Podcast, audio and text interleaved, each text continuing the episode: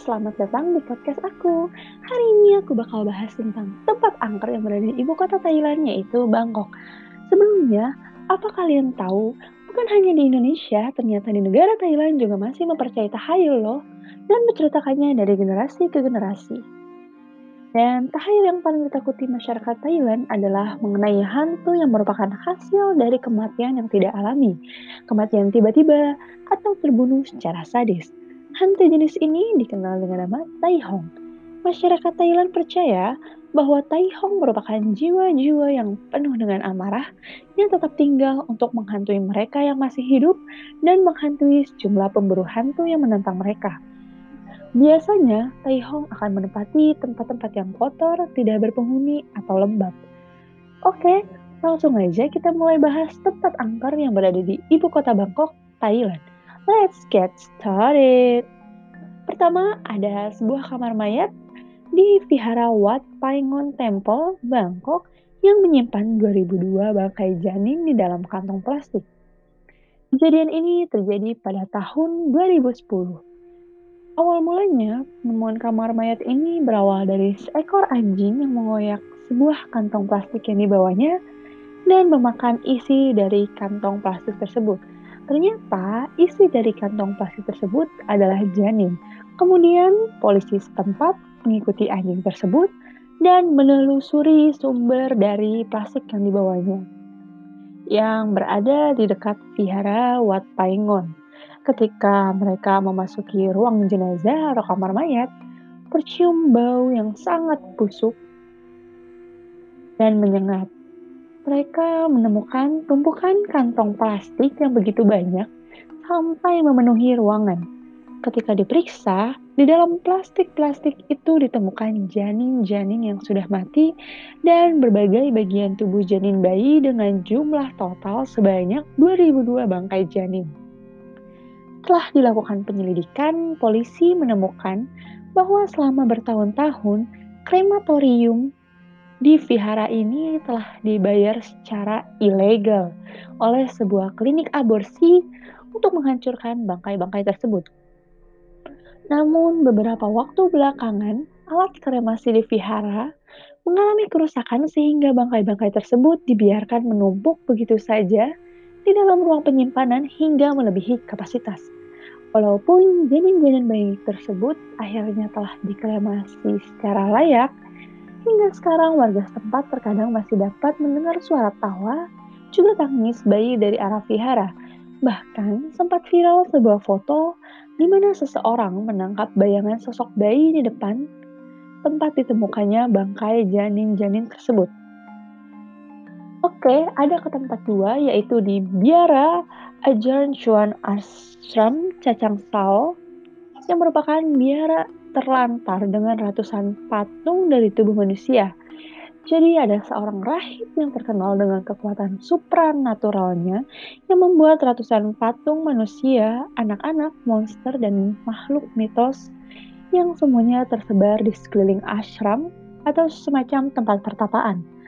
Ada beberapa patung yang dilakukan dengan sebuah ritual di mana sisa-sisa bagian dari tubuh manusia seperti abu, tulang belulang, rambut, dan kulit, bahkan lengkap dengan tatonya, dicampur dengan adonan bahan pembuat patung.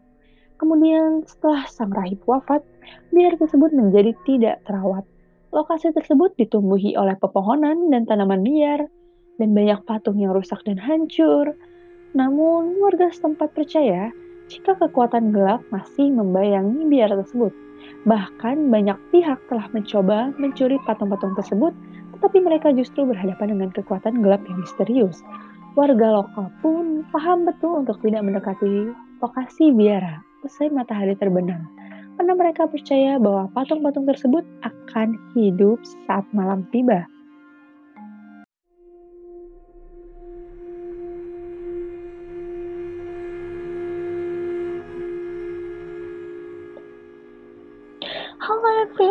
Kembali lagi bersama aku di KK Story. Di podcast kali ini, aku bakal ngelanjutin uh, di part sebelumnya tentang tempat angker yang berada di ibu kota Thailand yaitu Bangkok. Sebelumnya aku baru ngasih dua tempat doang. Dan sekarang aku mau ngelanjutin lagi part keduanya. Oke, langsung aja. Let's get started. Tempat angka selanjutnya itu ada Menara Saturn, Unique, atau dis, uh, juga disebut Ghost Tower di Bangkok, Bangkok. Di daerah distrik Bangrak di Bangkok, uh, berdiri Menara Saturn Unique yang rencana awalnya dibangun untuk kondominium mewah pada 20 tahun lalu. Bahkan ketika bangunan ini pertama kali berdiri, warga setempat percaya bahwa bangunan ini telah dikutuk Menara setinggi 46 tingkat itu menjulang menghalangi sebuah vihara yang dianggap sakral di dekatnya, dan warga setempat menganggapnya sebagai bentuk ketidakhormatan. Tak lama setelah dibangun, pihak developer kehabisan dana. Arsiteknya ditangkap karena terlibat kasus pembunuh bayaran. Sedangkan menara tersebut akhirnya ditinggalkan begitu saja tanpa dirampungkan. Dan semakin hari, kisah di tempat ini semakin mencekam. Suatu malam di tahun 2015, seorang fotografer tengah berjalan menuju ke rooftopnya untuk mendapatkan foto pemandangan kota Bangkok yang indah dari ketinggian. Ketika berjalan melintasi koridor yang gelap, melalui ruangan demi ruangan, tiba-tiba ia menemukan sesosok tubuh tak bernyawa bergantung di langit salah satu ruangan. Buru-buru ia lari untuk meminta bantuan, tetapi ia tidak mendapatkannya. Putus asa, ia lantas mengunggahnya ke media sosial. Kabar ini langsung viral dan sukses menarik perhatian banyak orang. Beberapa waktu kemudian, polisi akhirnya berhasil menemukan mayat gantung diri di lantai 43 tersebut. Rupanya, korban merupakan seseorang berkebangsaan Swedia dan ia telah tewas selama beberapa hari. Akhir-akhir ini, walaupun pihak berwenang sudah memperingatkan siapa pun untuk tidak memasuki menara tersebut, tetap ada saja orang-orang yang tertarik mendatanginya, entah sekedar untuk melihat-lihat lihat, uji nyali, atau bahkan berburu hantu. Oke, tempat angker yang keempat adalah Menara Taizong, atau dikenal juga sebagai Taifah Group Building di Bangna, Bangkok. Jadi uh, Taifah Group Building ini merupakan gedung setinggi 32 tingkat, berdiri di samping jalan tol Bangna Trat dan telah merenggut lima nyawa, mulai dari bunuh diri hingga pembunuhan sadis. Selama 20 tahun sejak ditelantarkan, tiga orang terjun dari atas gedung satu jenazah ditemukan dengan pergelangan tangan dan kaki yang terikat dan dia dipukuli hingga mati. Lalu ada seorang pria gantung diri dan meninggalkan sebuah catatan kecil di dinding untuk kekasihnya yang baru saja meninggalkannya. Pesan tersebut berbunyi, cobalah untuk mengingat hal-hal yang baik. Maaf saja tidak cukup.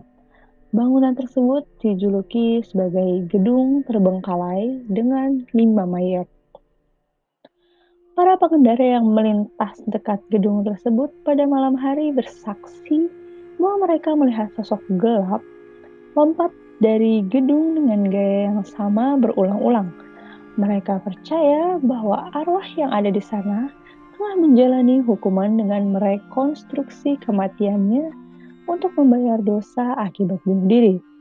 Sekarang gedung ini tengah direnovasi untuk diubah menjadi kompleks kondominium.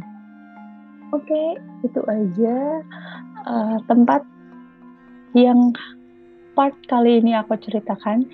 Jadi aku bikin dua tempat dua tempat untuk per bagiannya. Jadi mungkin besok aku akan tambahin dua tempat lagi di podcast selanjutnya. Jadi, terima kasih untuk semuanya yang sudah mendengarkan. Tungguin terus ya podcast aku. Jangan lupa di-share ke teman-teman kalian. Terima kasih. Bye-bye.